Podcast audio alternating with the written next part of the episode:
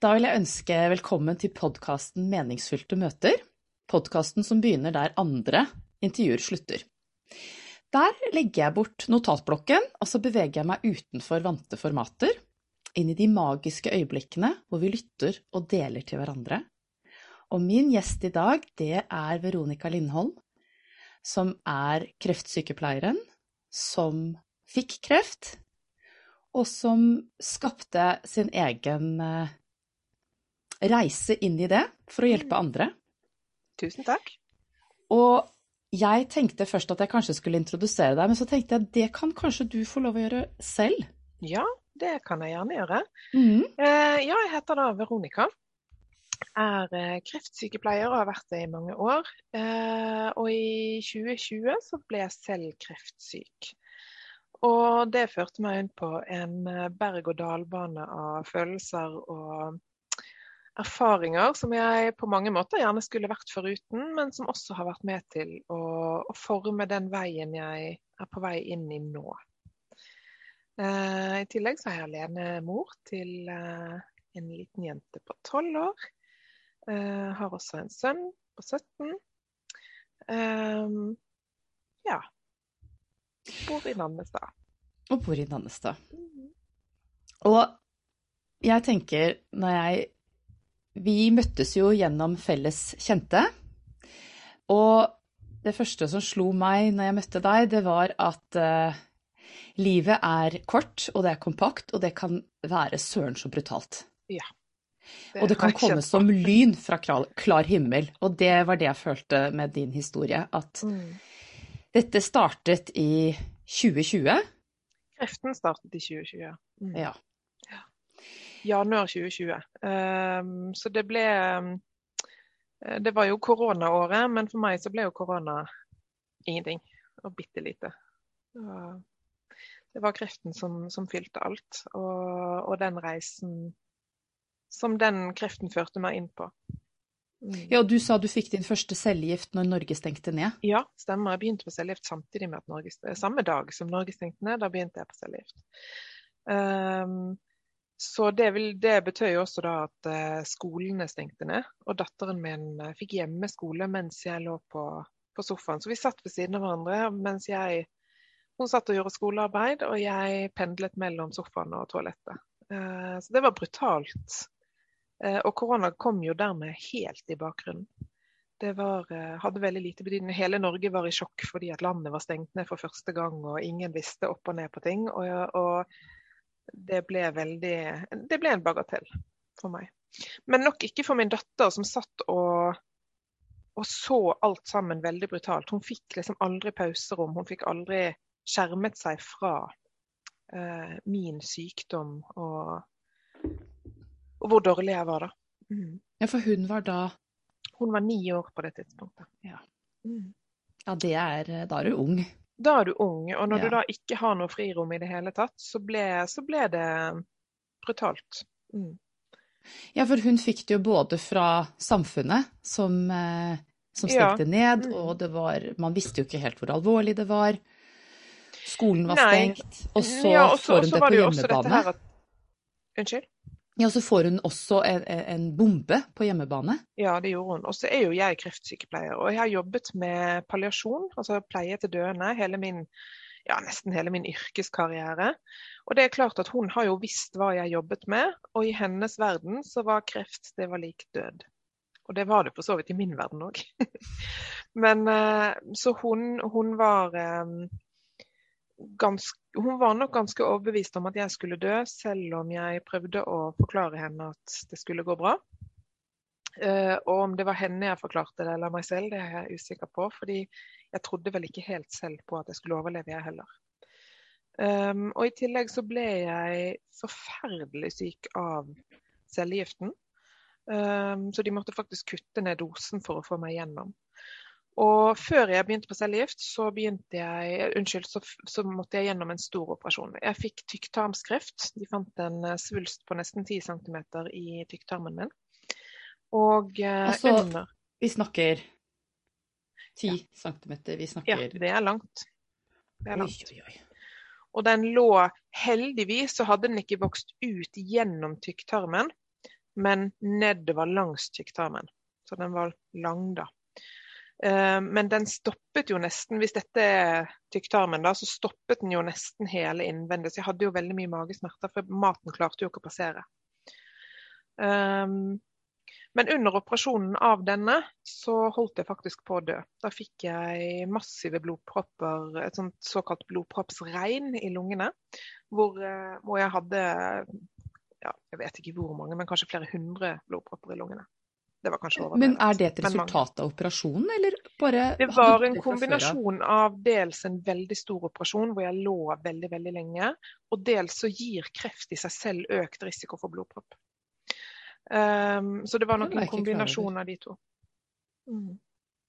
Hvor lenge det... varer en sånn operasjon, eller din operasjon? Det, det, kan jeg egentlig ikke svare på. Eh, jeg tror at min varte rundt seks timer. Men jeg ble jo liggende altså Det er en av de største operasjonene man kan gjøre. Og dermed så må narkosen være veldig veldig dyp for at ikke jeg skal våkne og få smerter. Eh, så de legger meg da i en veldig dyp narkose, og jeg var borte i tolv timer. Eh, men selvfølgelig har ikke operasjonen vart så lenge, men det har tatt lang tid for meg å våkne. Eh, så jeg våknet tolv timer senere og var selvfølgelig ganske desorientert og dårlig. Og så gikk det ikke lang tid før jeg opplevde at nå får jeg ikke puste. Og Én ting er å ikke få puste, det er angstfremkallende i seg selv. Men det som kanskje var det verste rundt det, det var at jeg opplevde at personalet ikke trodde på meg. Og I ettertid så har jeg lest journalen min og jeg ser at de skjønte veldig fort hva, hva som var galt. For saturasjonen min, altså oksygenmetningen i blodet, den falt ned til nesten ingenting. Så de har jo skjønt at nå er noe galt. Men min opplevelse og de har selvfølgelig prøvd å, å berolige meg. Sånn, Nei, bare rolig, slapp av, det går fint. Eh, men min opplevelse i det var at de tror ikke på meg, og jeg ligger her og dør. Nå dør jeg. Og den, den, den opplevelsen sitter fortsatt i meg som ekstremt eh, traumatisk. Å oppleve å dø uten å bli trodd. Og når var dette? Hvilket år var dette og måned? Dette var januar 2020. Akkurat. Så det gikk eh, i løpet av altså hele 2020? Ja. gikk med til det her. Mm, mm. Vet du hva, Nå tror jeg faktisk jeg løy. Jeg lurer på om vi hadde bikket over i februar da jeg ble operert. For jeg fikk ja. diagnosen i januar, så det var nok februar. når jeg tenker meg om. Ja. Så de opererte Men, veldig raskt etter at det ble opptaket? da? Ja, tre uker gikk det. Ja. Og hvor mye av tarmen fjernes da? halve, halve tykktarmen. Og så fjernet de 71 lymfeknuter. Og det i seg selv er, det er nesten 10% av hele lymfesystemet. Og um, jeg spurte på Hvor hen da? Vi har jo lymfer I, i buken. I buken. Ja. Vi har veldig mange lymfeknuter rundt tarmene. Uh, og det var de som Jeg hadde spredning til lymfeknutene, uh, men ikke til 71. Det er helt sikkert. Jeg hadde um, jeg skrev under på å delta i et forskningsprosjekt hvor de skulle fjerne flere lymfeknuter enn det som var normalt. Og Dermed så fjernet de 71 lymfeknuter, og i forkant så spurte jeg men vil ikke det påvirke kroppen veldig negativt? Og, og hvor svaret var at jo da, men, men resten av lymfeknutene, vil, eller resten av lymfesystemet vil kompensere for, for det tapet. Eh, så jeg skrev under og tenkte jeg må bare gjøre alt jeg kan for å bli frisk. Og det kjenner jeg nok at jeg angrer litt på nå i etterkant. Eh, for det har fått store konsekvenser at jeg fjernet så mange lymfeknuter. Ja, for Fortell kort hva lymfene gjør. Ja, Lymfene er jo en del av hva skal jeg si Altså, det er jo på en måte eh, et søppeltømmingssystem i kroppen. Det trekker ut eh, masse av cellenes avfallsstoffer, bl.a. Eh, og i tillegg så er det en veldig viktig del av immunforsvaret.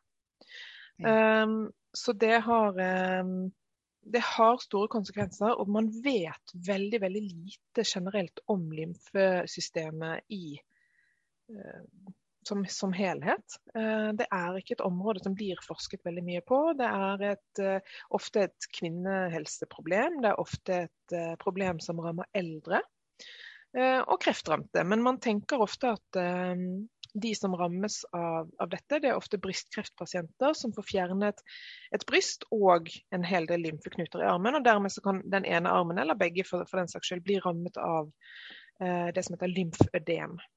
Mm. Ehm, men det er forsket utrolig lite på det. Og, eh, så derfor så vet man ikke egentlig nok Og man har nok heller ikke visst nok om konsekvensene, i hvert fall i min situasjon. For det fikk veldig store konsekvenser. Og det har gjort meg, jeg vil ikke si invalid, men, men eh, det, har, det, har, det hemmer livet mitt veldig at jeg har nå veldig mye lymfevæske i beina, bl.a. Ja, og jeg tenker det som gjør din historie så interessant, Veronica, det er jo at du har vært en fagperson. Mm. Altså kreft har vært en stor del av ditt liv som mm. fagperson. Mm. Og så går du inn i det, og det jeg har hørt mange si når man blir pasient, er at det, det selvverdet som er knyttet opp til å være et velfungerende menneske i samfunnet som bidrar, som er en fagperson, det forsvinner. Og så tenker jeg, eh, var du flinkere til å være pasient fordi du kunne så mye om kreft? Eh, om jeg var flinkere, vet jeg ikke, men jeg hadde veldig høye forventninger til meg selv. Og jeg skammet meg enormt mye fordi jeg ikke klarte å bruke min egen faglighet. Og etter at jeg hadde fått de blodproppene, så ble jeg i hui og hast lagt inn på intensiv og lå der lenge. Og da var jeg så full av angst og var så dårlig at jeg til og med måtte spørre eh, de som jobbet på intensiv om de mest basale ting, altså blodtrykk og puls. Det er noe alle sykepleiere kan. Eh, og noe jeg også kan når det gjelder andre. Men når det gjaldt meg selv, så måtte jeg til og med spørre hvorfor stiger pulsen nå hvis jeg satte meg litt opp i sengen fra liggende. Og Det er jo en helt naturlig reaksjon fra kroppen at pulsen da stiger litt. Men jeg klarte ikke å, å gjøre om den kunnskapen til å gjelde meg selv. Og gikk inn i veldig sterke angst rundt dette her, og, måtte spørre om veldig sånn banale ting. Og det, det husker jeg skammet meg voldsomt over. Uh, og et par ganger så opplevde jeg at det kom sykepleiere inn, det var ikke på intensiven, men på vanlig sengepost, uh, og sa ja, men dette vet jo du alt om. Og det var så vondt, for jeg, kunne, jeg følte at jeg kunne ingenting. Det var, det var, så smertefullt at de forventet at jeg skulle kunne mer enn en hvilken som helst annen pasient. Så det ble knyttet veldig mye skam til det, og jeg sluttet å si at jeg var sykepleier og kreftsykepleier, fordi jeg ikke klarte å, å være fagperson og pasient på samme tid. Eh, så det var faktisk veldig, veldig vondt, og det tok meg veldig, veldig lang tid å tørre å begynne å snakke om mitt eget fag igjen. Det, um, for det kunne jo hende at jeg plutselig ikke kunne noe allikevel. Mm. Så, så det, var, det, var, det, var, faktisk veldig vanskelig. Men på den andre siden så var det jo eh, det var mange sykepleiere som begynte å skjelve litt når de skulle stikke meg, f.eks. For, eksempel, for der hadde jeg stålkontroll. Jeg visste, altså det var jeg som bestemte hvilken nål som skulle inn i min arm, for å si det sånn, og hvor den skulle inn. Eh, så stakkars de som sto i dem. Så av alle, av hele spekteret, så var det der du var liksom Der ja. kunne du der glimre. Ja. ja. Uh, og, hadde, og, det er også sånn merkelig ting. Uh, jeg har jobbet på sykehus i hele min karriere og har en Jeg hadde en sånn Jeg skal ikke lukte av pasient. Så jeg gikk helt altså jeg ble helt besatt av at jeg skulle lukte godt. Altså hygiene. Vaske meg grundig hele tiden. Smøre meg med, med kremer som luktet godt. Og, og, det ble også en sånn besettelse. Der hadde jeg kontroll. Jeg skulle ikke lukte pasient. Men for hva lukter pasient? Ja, hva lukter pasient? Altså, ofte så lukter de jo av altså Sykehuset kjøper jo gjerne inn en viss type såpe og en viss type krem som har en, en helt spesiell duft, eh, som jeg i hvert fall forbinder med sykehus. Og det skulle ikke jeg ha noe av. Så jeg brukte bare mine egne produkter, fordi da luktet jeg av meg selv. Um, så det ble veldig viktig for meg at jeg skulle ikke gå inn i denne pasientrollen. Mm. Og så gjorde jeg jo det allikevel. Um, og jeg har jo, og det er som, som sykepleier så har jeg jo sett mange pasienter gå nedover gangene i bare bleien. ikke sant? Eller i pysjen med, med, ting hengende ut. og Det ser veldig, det ser ikke veldig pent ut. Men det er, det er noe av det som skjer når man blir pasient, at man gir litt slipp på seg selv på mange måter. Og det jo kjente jo jeg, det hadde jo jeg sagt mange ganger, hvis jeg noen gang blir pasient, så skal jeg i hvert fall ikke gå sånn i gangene. Eh, og bunnpunktet i gåseøynene for meg ble jo da jeg i min nød gikk over gangen, det var riktignok midt om natten, i bleie og åpen pasientskjorte bak. Jeg gikk med den bakpå, eller hva heter det, omvendt. og i prekestol. Og da kjente jeg nå har jeg nådd bunnpunktet. Det var, det var ikke gøy. Ja, for det er stereotypi Ja. på å være en pasient som på mange måter har mistet all verdighet. Og det var jo det jeg gjorde. ikke sant? Jeg mistet jo alt. Jeg lå der på kanten av døden. For det var jo det, jeg holdt jo på å dø. Eh, og det var slanger alle steder. Og var, jeg hadde jo smerter, enorme smerter etter operasjonen. Ikke klarte jeg å gå på do. Ikke klarte jeg å stå på beina mine. Altså, jeg var så svak som man nesten kunne bli. Um, men, eh, men eh, Så da tuslet jeg ut da, klokken ett om natten. Det var heldigvis ingen andre i gangen. Men da kjente jeg på det. Nå er jeg pasient. Nå har, nå har Veronica blitt borte. Men Veronica, det er det jeg syns er eh, ganske unikt med det du formidler i dag, som vi skal Mm. snakke om litt senere, Mm. eh, som er fra kreft til kraft. Ja. Men det som, som treffer meg veldig, er at du er en eh, Du er bånn ærlig eh, om sårbarhet, om skam, om eh, smerte. Altså alt det som Vi har jo alle eh, pårørende Altså vi, har, vi er jo alle pårørende på en eller annen måte, enten det er en venn eller familie som har Mm. gjennomgått eh, en kreftsykdom. For det er jo, det er jo mange, og det er jo, det er jo økning av kreft også Ja, i er det. samfunnet. Mm. Og jeg hører ikke så mye om det du prater om. Du har lagt ut bilder som, altså som tykktarmsoverlevende. Mm. Så, så er det jo knyttet en del tabuer. Toaletter, altså toalett, hyppige toalettbesøk og alt dette her. Og du har vært en av de, kanskje den eneste jeg kjenner, som tør å formidle hvordan det er å leve med det. Ja, og det kom veldig Det kom allerede mens jeg var uh, i behandling med cellegift. Så kjente jeg at dette her må jeg må gå foran som et eksempel for å slå hull på disse tabuene.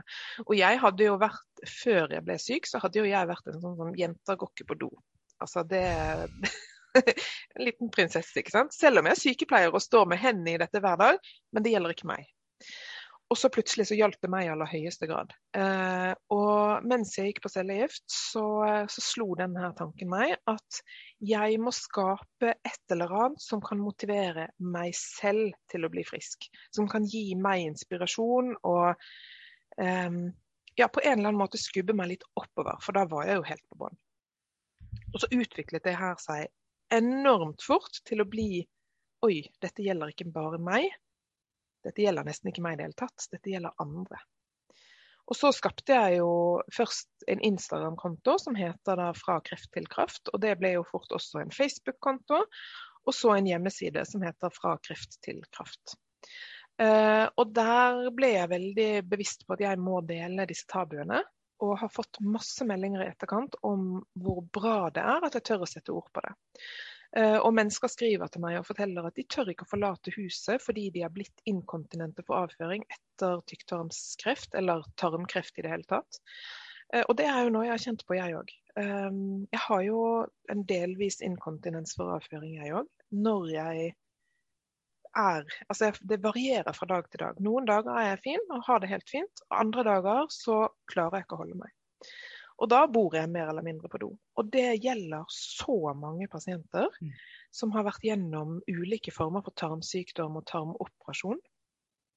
Um, og det har jeg jo da fått mye respons på. Da, at takk for at du setter ord på det. Og jeg tenker Spesielt som, som relativt ung kvinne, så er det kanskje ekstra tabubelagt. Dette, man tenker at det er Hvor gammel er du, Veronica? Jeg er 42. Ja. Mm. Så jeg velger å omtale meg som relativt ung fortsatt. Ung lovende. Er i hvert Ja, fall ikke Ja. Det jeg skulle til å si, fordi at det, du har skrevet, altså fra kreft til kraft, det betyr at du snakker ikke bare om kraft. Ikke sant? At eh, en ny dag og det positive og alt som kan inspirere. Mm. Men du formidler den balanserte virkeligheten som er ja, men det er også den andre biten. Det håper jeg at jeg klarer.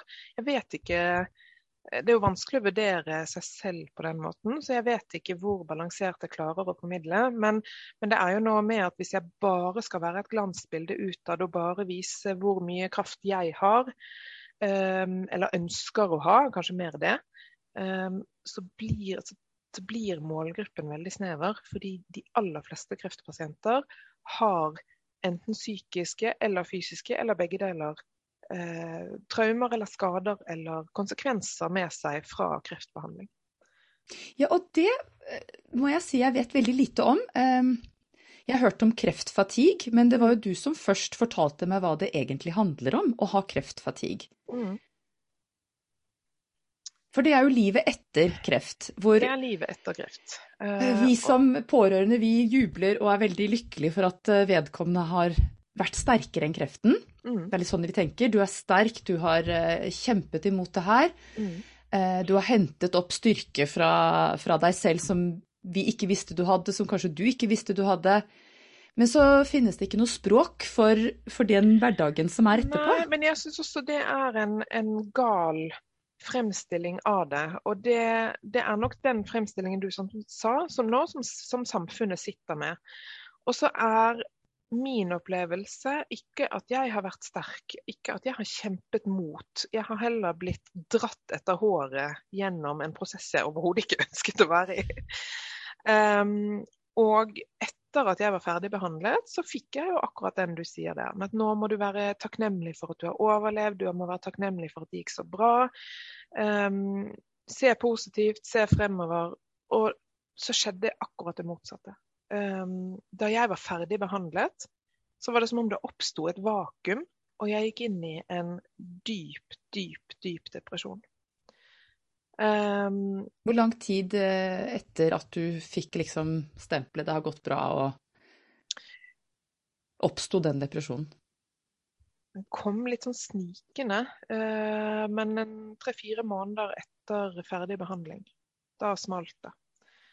Uh, da begynte det, altså Jeg var ferdig i sommeren 2020, så jeg hadde bare et halvt år med behandling. Og bare i gåseøyne, fordi det er lenge nok. Men for mange kreftpasienter så varer behandlingen ja, noen ganger over flere år. Så jeg, sånn sett var jeg heldig at det bare var et halvt år. Um, og i det halvåret så er man så ivaretatt av sykehuset, uh, og for så vidt også de rundt, som, som tar hensyn. Um, og man er så fokusert på behandlingen og uh, fokus på neste time, neste behandling, neste pille, neste sprøyte. Eh, og så er behandlingen ferdig, og jeg gråt faktisk da jeg gikk ut fra, fra um, siste behandling med cellegift. Fordi jeg syntes det var så skummelt å plutselig ikke ha den støtten som, som de ga. Uh, og plutselig skulle stå på egne ben og, og, ikke bli kontrollert og ikke få tatt blodprøver hele tiden. Og ja, det ble kjempeskummelt. Eh, men så gikk sommeren, og var, eh, den gikk ganske greit. Og Så kom høsten, og da skulle liksom livet begynne igjen. Da begynte jeg så vidt på jobb igjen. Eh, bare 20% men det var jo nesten for mye, det òg. Og så ble liksom, så skulle virkeligheten starte opp igjen, og da smalt det. Ja. Mm. ja, for det er vel det, ikke sant. Når du er alvorlig syk, så er det som pause. Mm. Og alle er med på at det er en pause. Du mm. får full forståelse. Mm. Og så får du den første Nå er du frisk, nå, du, nå er du utenfor vår, våre rammer. Mm. Virkeligheten. Du blir skjøvet ut. Mm. Hadde... Det, er måtte, det, er en vei du må finne ut av selv, er det ikke det? Jo. Veldig alene følte jeg meg. Det var, I tillegg så var det jo fortsatt korona. Eh, og det stoppet veldig mye av de tilbudene som kanskje kunne vært der. Eh, det finnes jo noe som heter Pusterommet, f.eks., som er fysioterapeuter og ergoterapeuter som, som hjelper deg med å, å, finne tilbake til kroppens form. da.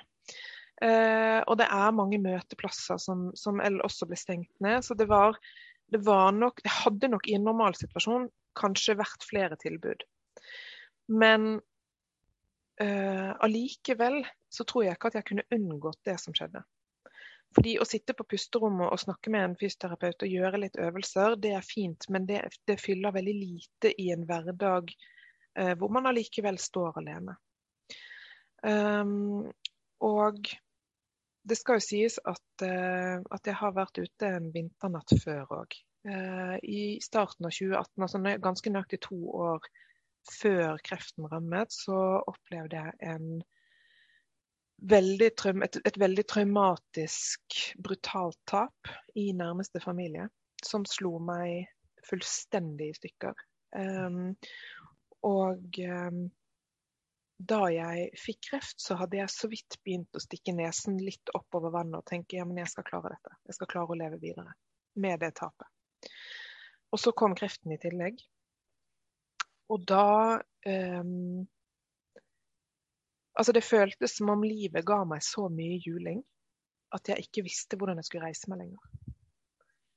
Um, og sånn er det jo for mange på, på forskjellige måter. Livet, livet, kan være brutalt. Mange seiler gjennom og, og har det helt fint. Men, men, kreften det ble liksom toppen av kransekaken.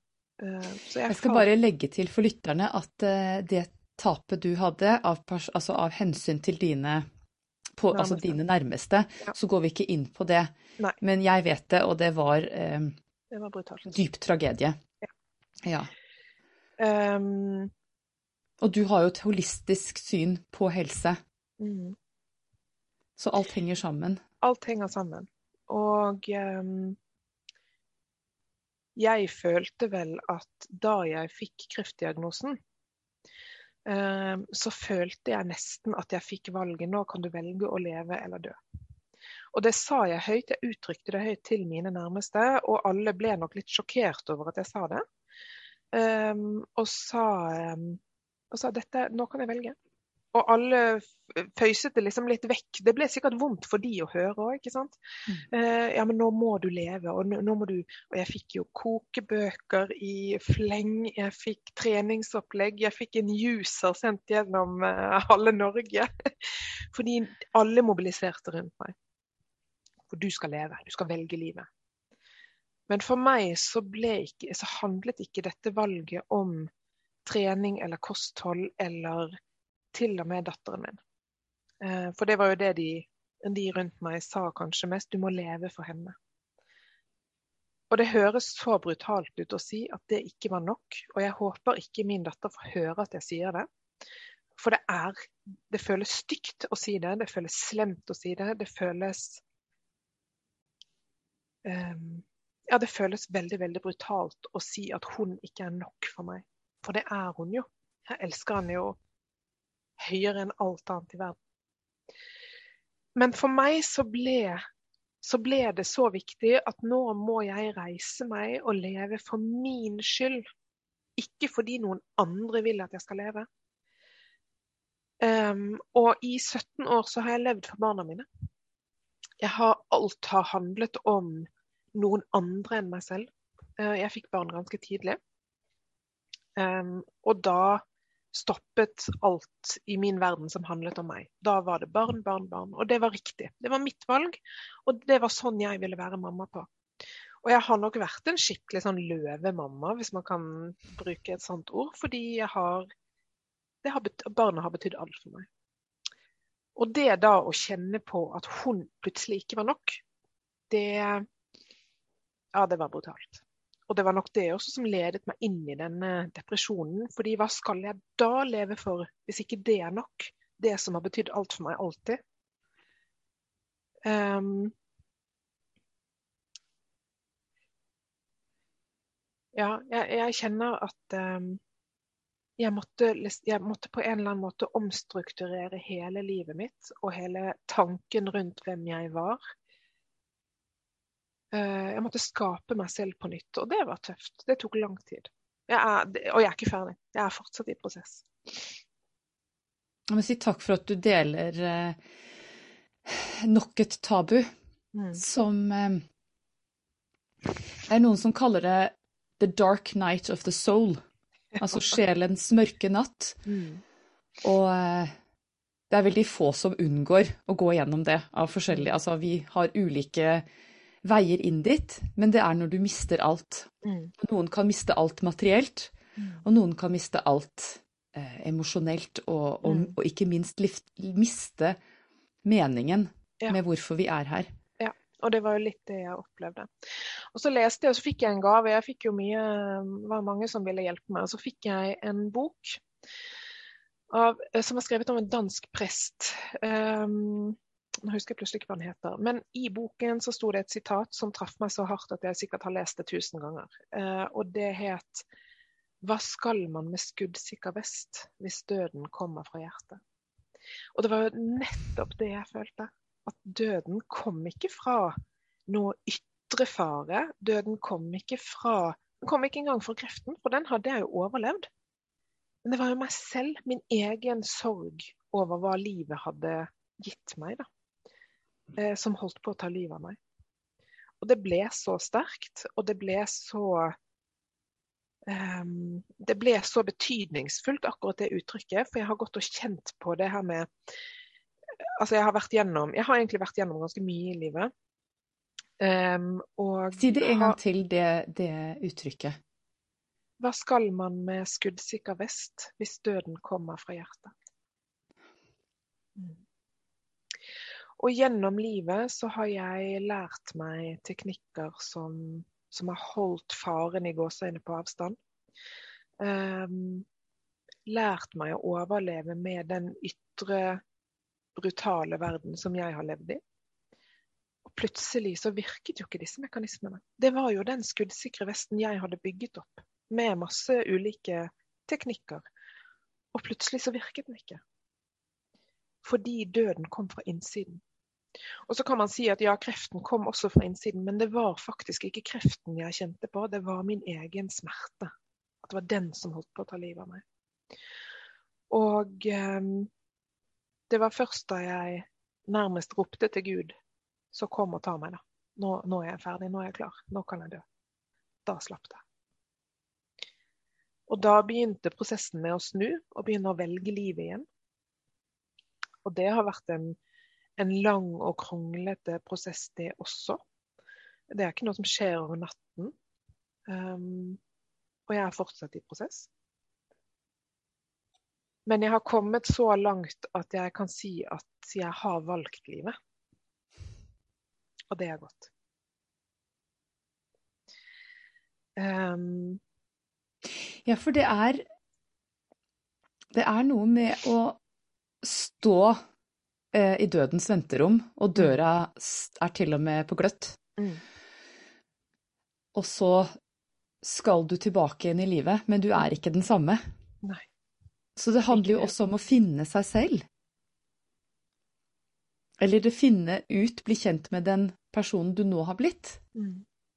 Det er noe med at når livet tvinger deg i kne gang på gang på gang på gang, og det, er, det har vært et, noen ganger opp gjennom livet, så, så begynner man jo også å tvile på seg selv. Hva er det jeg gjør galt, da? Hva er det, Har jeg fortjent dette?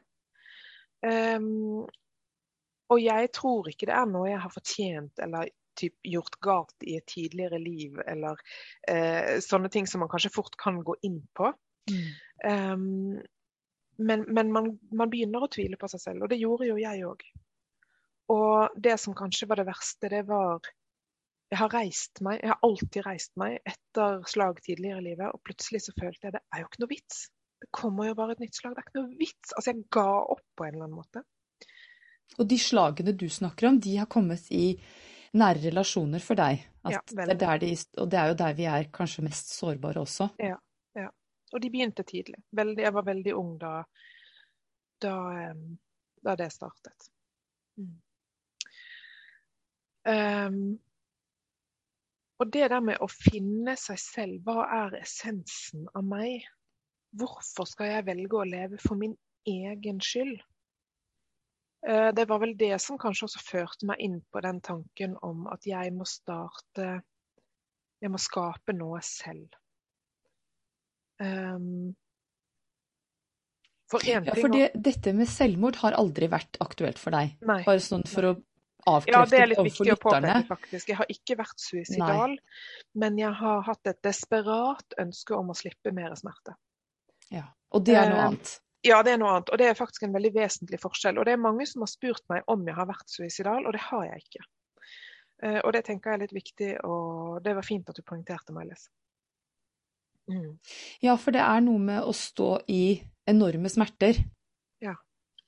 Og så er det noe annet å ha det så vondt at man ønsker å, å slippe. Mm. Og så kan man jo si at det kanskje er der de fleste selvmord springer ut fra, fordi smerten blir for overveldende og for stor.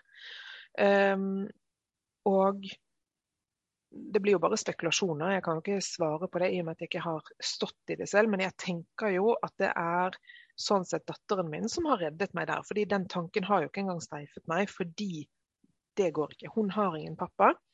Eh, så hun har bare meg som primæromsorgsperson, og dermed så det, det, har liksom aldri vært et alternativ. Og dermed så har jeg ikke gått inn i den tanken heller. Men ønsket om å slippe, oh my god, ja. ja. Jeg må bare si, jeg har jo møtt datteren din, og hun er jo en, en nydelig og veldig på plass tolvåring. Ja. ja, takk. Det ja. syns jeg. Hun har kommet seg, eh, kommet seg ganske helt ut av det hele. Det har vært en eh, det har vært en veldig tøff prosess for henne òg. Um, og jeg tror det som kanskje har reddet henne, er at vi har snakket og snakket og snakket og snakket. Og snakket og snakket. Og jeg har jobbet mye med barn som pårørende i veldig mange år, så jeg har jo mye fagkunnskap rundt dette her. Og det er jo også det jeg har eh, hatt mye fokus på i etterkant, dette med barn som pårørende. Så jeg tenker at det kanskje er derfor hun er så på plass som hun er nå, da. Ja. Mm. Ja, det er jo den ultimate lakmustesten for ja, det, eh, det er det. de kursene og det, de workshopene du nå holder. Fordi ja. du har vært både forelder med kreft, og du har måttet uh, passe på datteren din gjennom mm. det hele. Mm. Og det har ikke vært noe hysj, hysj, dette snakker vi ikke om. Som Nei, kanskje tvert imot. Kanskje tvert imot, ja. Um, tidligere i livet så har jo en av de tingene som kanskje har holdt meg oppreist gjennom de tapene jeg har, og, og tingene jeg har opplevd, det er denne urokkelige troen på at det er en mening med alt. Selv om ikke vi skjønner hva meningen er der og da, så er det en mening med det. Og det er jo sånn at Man lever, man må jo leve livet forlengs, men man forstår det jo alltid baklengs. Og i etterkant så har jeg alltid greid å finne mening i det jeg har stått i. Um, og da jeg lå på mitt mørkeste etter kreften, så fant jeg ikke mening. Og allikevel så sa jeg jo det til datteren min. Det fins en mening, vi skal skape mening. Kommer noe godt ut av dette. Og hun trodde ikke på det, og jeg trodde ikke på det. Og allikevel så ble det et sånt mantra som vi sa hver kveld. Hver eneste kveld. Selv om tårene trillet, så, så messet jeg det kommer noe godt ut av det. Og eh, det har jo kommet noe godt ut av det. Heldigvis. Ja, for nå har du jo eh, Nå er jo du tilgjengelig for å veilede andre som ja. står i den nesten ordløse smerten. Ja, og det var fint sagt. For det, ja, det fins ikke så mye språk for det her. Nei. Og jeg tror det er der mange strever, fordi de tenker at de må passe seg for hva de skal si, sånn at ikke de sier noe feil i gåseøynene.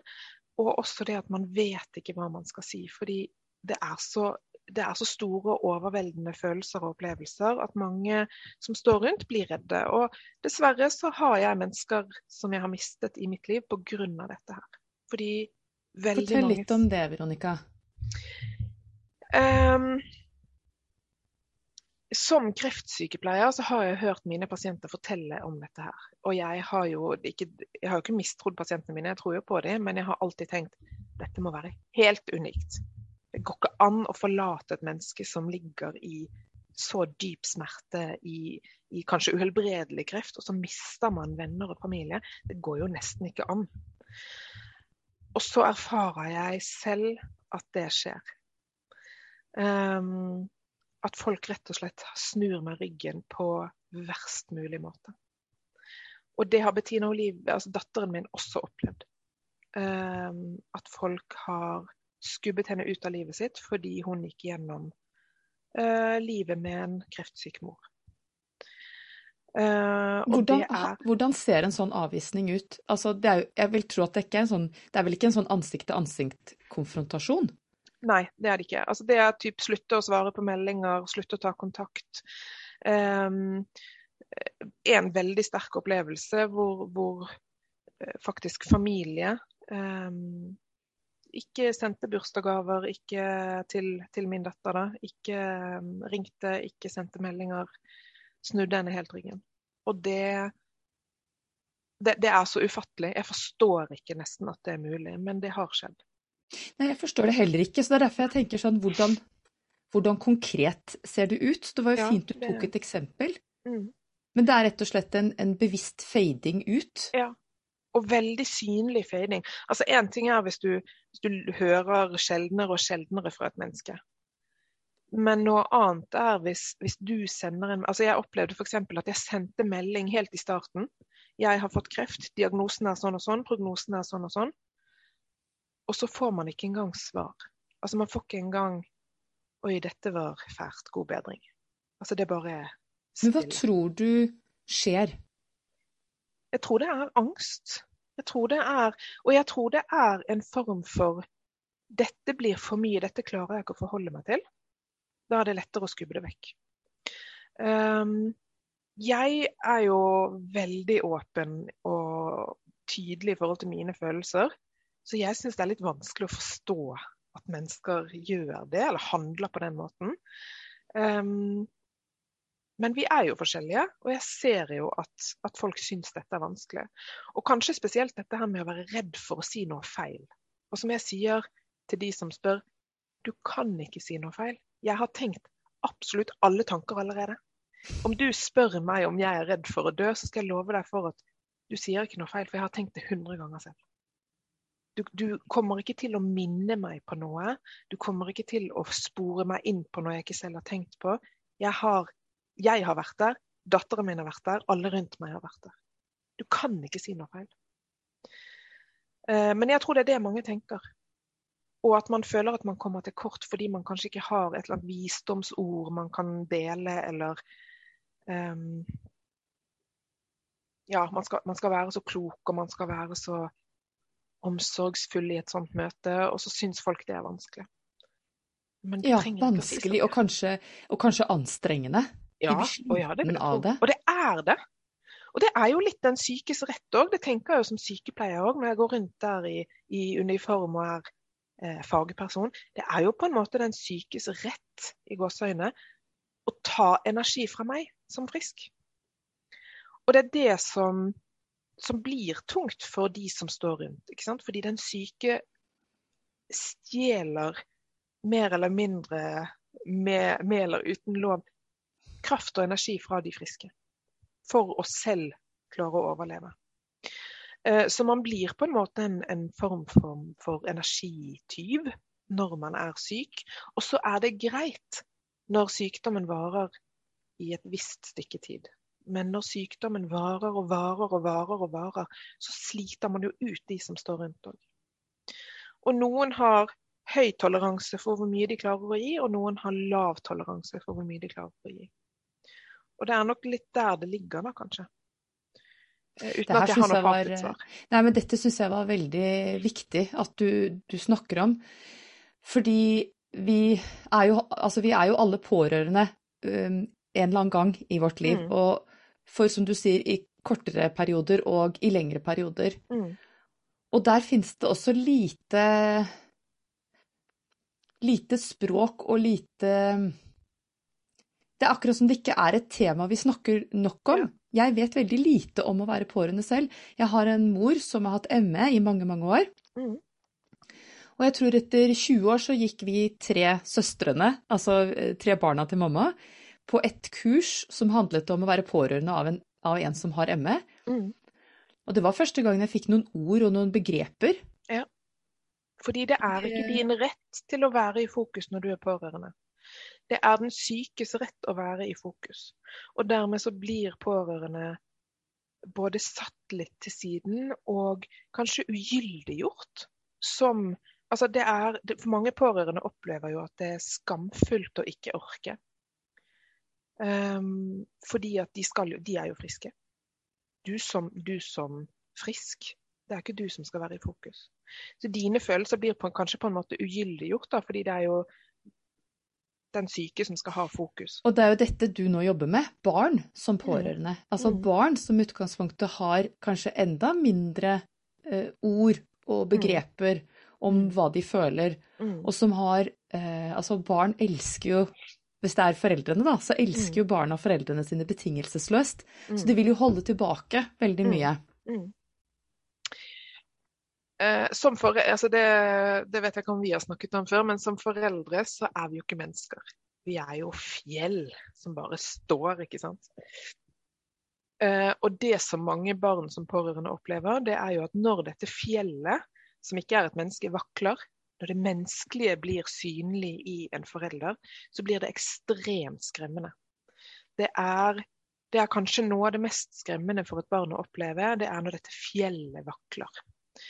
Um, og barn er ikke først, født med mestringsstrategier, de er ikke født med disse ordene. Det er kompliserte følelser.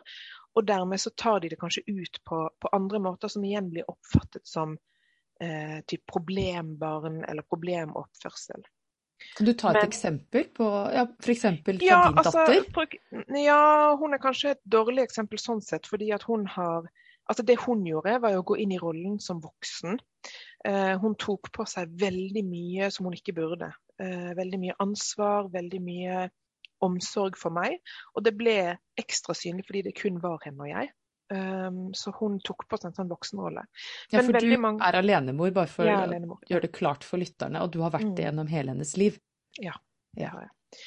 Ehm, men mange barn utagerer jo, f.eks.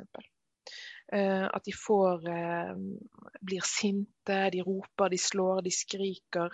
Um, mange ungdommer får dårligere karakterer. Og istedenfor for å forstå at ja, men dette er fordi det skjer ting hjemme, så tar de det på seg selv. Jeg er eh, dum siden jeg ikke klarer. Eller jeg er et slemt barn. Altså, eh, de legger det på seg selv fordi de ikke blir hjulpet til å sette ord på hva som er årsaken. Så jeg tenker at dette med å snakke med og, og om temaet barn som pårørende, det er noe jeg brenner veldig, veldig for. Fordi det er den mest sårbare pårørendegruppen vi har. Um, og så tenker Ja, at si det en gang til, for det, det må vi forstå. ja, det er den aller mest sårbare pårørendegruppen vi har. Og det er mange barn som pårørende, ikke bare i forhold til kreftsykdom, som selvfølgelig er det jeg snakker om, men i forhold til psykiatri, i forhold til rus, alkohol og ikke minst fengselsvesenet. Altså De fleste voksne mennesker har barn, og så glemmer vi at disse som sitter i fengsel, de har også barn. Og mange av de barna, det er jo enda større tabu. Det er jo ofte det at pappa eller mamma har reist bort et par år. Altså Det blir ikke satt ord på. Og det skaper angst når barn står i en situasjon hvor foreldre ikke er disse fjellene som vi jo skal være. Og dette er også veldig helseøkonomisk, for disse barna blir Absolutt. voksne. absolutt. Men fortell om sorggrupper som du har ledet, og fortsatt leder, Veronica. Ja, første gang jeg startet som sorggruppeleder for barn og unge, det var i 2012-2013, hvis jeg husker riktig. Eh, Men da hadde jeg selv veldig små barn, så det fungerte ikke så veldig bra i forhold til um, eh, at jeg dro bort på kvelden. Så dermed så var det bare ett år jeg hadde det. Eh, Men nå er jeg tilbake igjen og skal, eh, har startet nå som sorggruppeleder igjen. Um, og det er veldig spennende, for da møter du barn Dette er jo da barn som har mistet. Og vi skal ikke, vi skal ikke undervurdere barn som ikke nødvendigvis mister foreldrene sine, fordi prosessen i sykdomsforløpet er veldig traumatisk for veldig mange barn.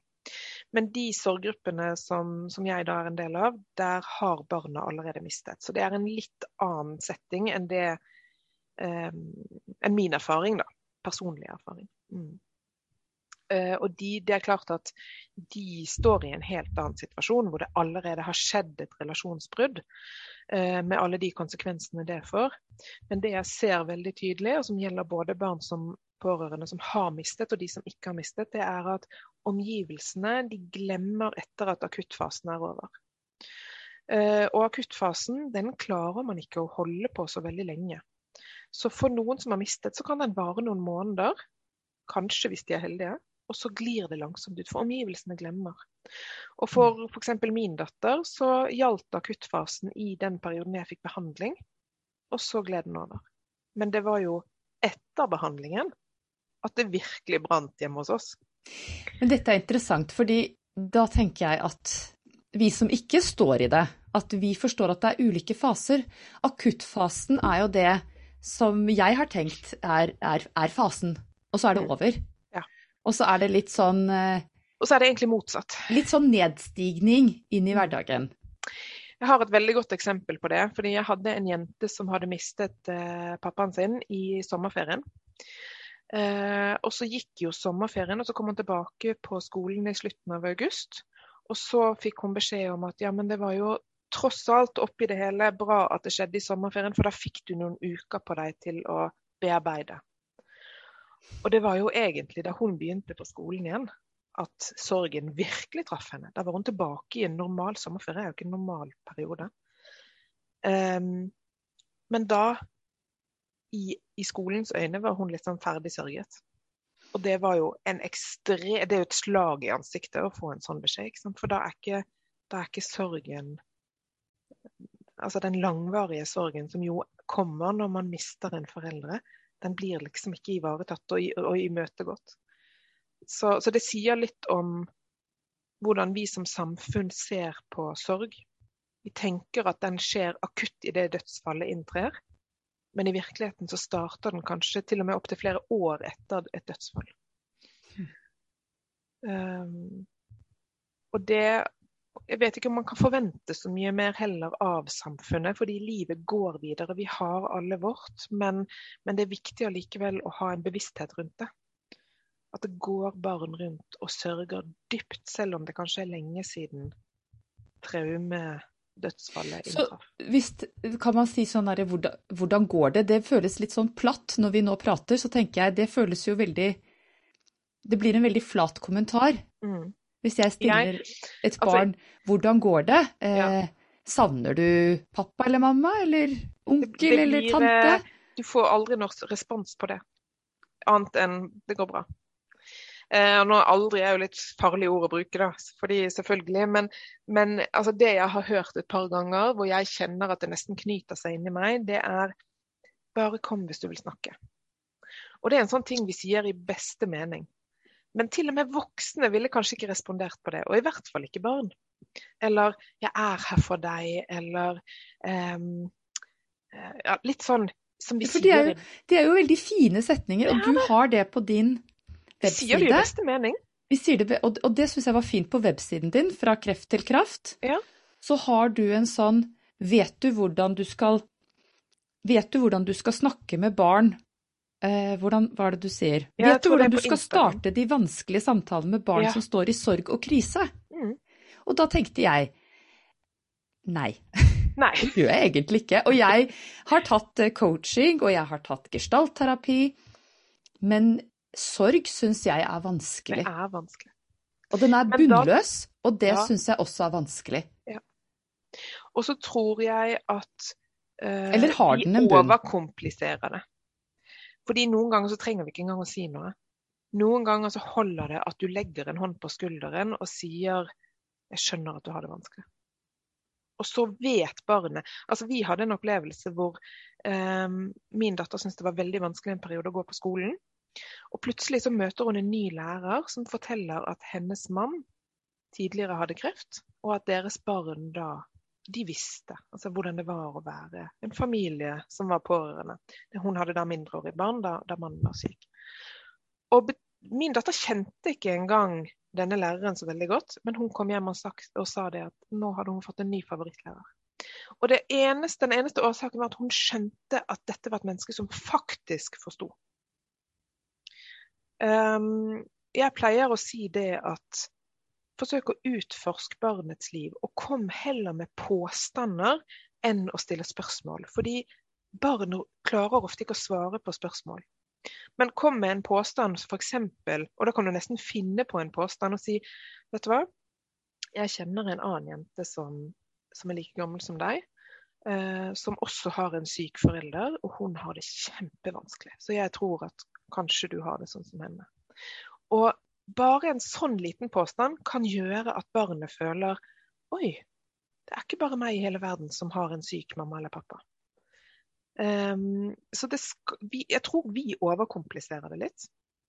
Um, ja, og så er det den redselen at vi skal jo løfte opp. Skal vi snakke om ja, ting som er vanskelig? Ja, skal man, for jeg tenker sånn, Hvis man snakker om ting som er vanskelig, druk, drukner man da barnet? Eller ja, det, altså, det er jo en hårfin balanse, ikke sant. Og det kommer an på hvilken relasjon du har til barnet. fordi er du en helt fremmed, så er det kanskje ikke du som skal gå inn i de tyngste samtalene. Men hvis du står og, og ser et barn som virkelig trenger hjelp, så er det ikke farlig å gå inn i de tyngste samtalene. Og barn trenger jo gjerne repetisjon, repetisjon, repetisjon. Og en av de tyngste samtalene vi hadde, det var jo hva skjer hvis jeg dør? Og vi hadde jo da en plan klar, den la vi jo sammen med min datter. Du skal til onkel, sånn og sånn skjer med katten, sånn og sånn skjer med hunden. Altså alt var liksom linet som hun visste. Og allikevel så var det spørsmålet jeg har fått mest gjentagende de siste to årene. Mamma, må jeg på barnehjem hvis du dør? Og den treffer dypt. Det er vondt å få et sånt spørsmål, men hun trengte at vi snakket om det igjen og igjen og igjen og igjen. og igjen. Fordi det var en så stor frykt i henne. Og hvis hun da hadde blitt møtt med ja, men det har vi jo snakket om før, eller kan vi ta det på et annet tidspunkt, eller altså på en måte avvist det fordi jeg var redd for å snakke om det, da hadde hun sluttet å spørre, og så hadde den ulmet inni henne og blitt et sånn fantasimonster som kanskje hadde tatt mer og mer og mer plass. Hjem og på barnehjem.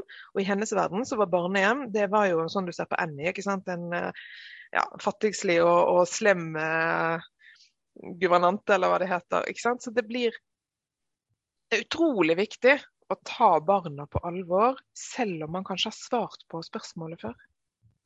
Så det med å gjenta, at de får lov å gjenta og gjenta og gjenta. Ja. Og du og din datter har jo skrevet en bok. Ja. Fortell om den. Ja, det var jo litt eh, resultatet av her, det her mantraet vi hadde med at det skal komme noe godt ut av det. Eh, og jeg skrev den eh, Den kom altså helt ut av det blå. Jeg hadde lagt meg en kveld eh, og var egentlig på vei inn i søvnen. Altså jeg var liksom veldig død. Plutselig så bare kom den. Så jeg satte meg opp og satt og skrev og skrev og skrev. og skrev, og skrev. I flere timer satt jeg der og skrev. Og neste morgen så vekket jeg Bettina, og så sa jeg du må tegne. Har du lyst? Du må tegne, har du lyst? det var litt motstigende. Har du lyst til å illustrere? Jeg har skrevet en bok. Og så leste jeg teksten for henne. Og da satt jo hun med tårer i øynene og kjente at uh, dette traff. Dette var riktig. Jeg vil tegne, sa hun. Så hun har illustrert boken i forhold til hvordan hun har opplevd å være barn som pårørende. Og den ble utgitt nå i sommer. Så det er veldig, veldig gøy og spennende. Har du den nå? Jeg har den i et annet jeg rom her. Jeg har den ikke eh, her jeg sitter. Eh, jeg kan godt hente den. Ja, gå og hent den. Ja. Gå og hent den, så kan vi For du fyller inn med tomrommet. Ja. ja, jeg tenker historien til Veronica er jo en historie om liv og død og styrke og sårbarhet, og hvordan alt henger sammen. Nå skal vi ja. få se boken. Ja, skal vi se. Der, sånn ser den ut. Og den er da illustrert av min datter. Um, og forsidetegningen som dere ser, det, det, er jo et smil utad. Og så innad så er det vondt. Jeg vet ikke om dere ser det så tydelig. Uh, men Milla, som da er hovedpersonen i boken, hun kjemper jo veldig med disse følelsene som oppstår når hennes mamma får kreft. Og jeg tenker Det er viktig å påpeke at uh, historien er ikke vår historie, men den har selvfølgelig med seg elementene fra, fra vår historie. Skal vi se og, flere? Ja. ja. Her er en sånn tegning. Fordi også det som var veldig vanskelig for henne, det var å gå på skolen. Um, fordi hun bare satt og tenkte på meg, og bare satt og tenkte at nå kanskje mamma dør mens jeg er her. Um, så det er um, en bok vi har prøvd å, å, å sette ord på hva det, egentlig, hva det, egentlig, vil si å være barn som pårørende, hva barn som pårørende opplever. Men hvor jeg også har prøvd å få inn eh, foreldreperspektivet i den forstand at eh, foreldrene skal forstå hvorfor barna noen ganger oppfører seg veldig merkelig.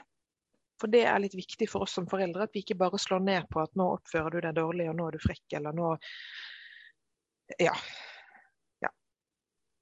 Nå svarer og... du tilbake, og du har ikke empati, og tenk, du må jo tenke på andre, og Mm. at vi kan, at vi kan begynne med med sånn hensyn, oppdrag. ikke. Ja, ta hensyn, at vi skal Ja. oppdra dem. Ja, og, så har, og det har jeg tatt meg i mange ganger. Dette med å tenke at her ligger jeg på sofaen og er kjempesyk og dårlig. Og så sier jeg til, og dette har jeg gjort selv, altså, så har jeg sagt ja, men du er ung og sprek, du kan løpe og eh, hente et glass vann eller gå tur med hunden, eller altså, du er ung og sprek. Men det jeg glemmer, og det mange glemmer, det er at barn og voksne pårørende, men barn som pårørende ofte lider av pårørendefatigue. Det å gå med sorg og angst, det Mm. er så energitappende. De blir Så så vi har slitne. kreftfatigue, og så har vi Hva kalte du det? Pårørendefatigue. Ja. For det er det når barn går med sorg og angst fordi barn som sørger, de får ofte mye angst. Så når barn går med sorg og angst, så tapper det enorme mengder med energi. Så jeg har tatt meg i mange ganger og tenkt ja, men du er ung og sprek, og her ligger jeg og er syk, så du kan gjøre det. Men så er ikke det tilfellet i det hele tatt. Og det tror jeg mange glemmer. Så barn kan rett og slett gå rundt og være veldig slitne, altså Enormt slitne. Ja, på samme veldig, måte veldig. som det å ha angst gjør deg absolutt. sliten. For det er mye angst. Barn som pårørende bærer mye på angst. Men Veronica, hvordan kan folk få tak i alt det du sitter på? For du sitter jo på et fjell av kunnskap, og du sitter på Ja. et fjell av eh, selvopplevde erfaringer. Mm.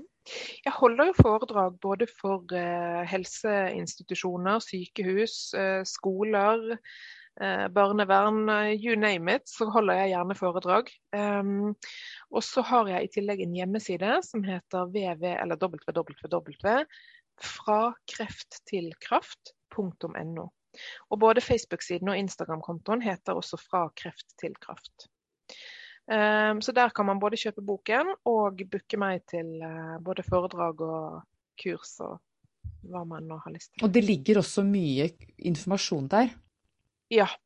Eh, jeg bruker nok mest eh, Instagram og Facebook, det er der jeg er mest aktiv. Um, men jeg har også en podkastkanal nå, og jeg har eh, så vidt startet en liten blogg. Så det ligger informasjon alle steder som ja, forhåpentligvis kan være til nytte for, for andre. Ja, det her Det her håper jeg kan nå, nå så mange som mulig. Mm. Ja, det håper jeg òg. Det Det er det ikke som er målet mitt. Ja, det er ikke et stort tema, og det burde jo vært obligatorisk, tenker jeg, på skolene. Mm. Og, både for, eh, for barna og lærere. Kanskje primært lærere og helsesykepleiere. Eh, Barn har ikke forutsetning til å, forutsetninger til å kunne sette seg inn i eh, hva et sørgende barn bærer på.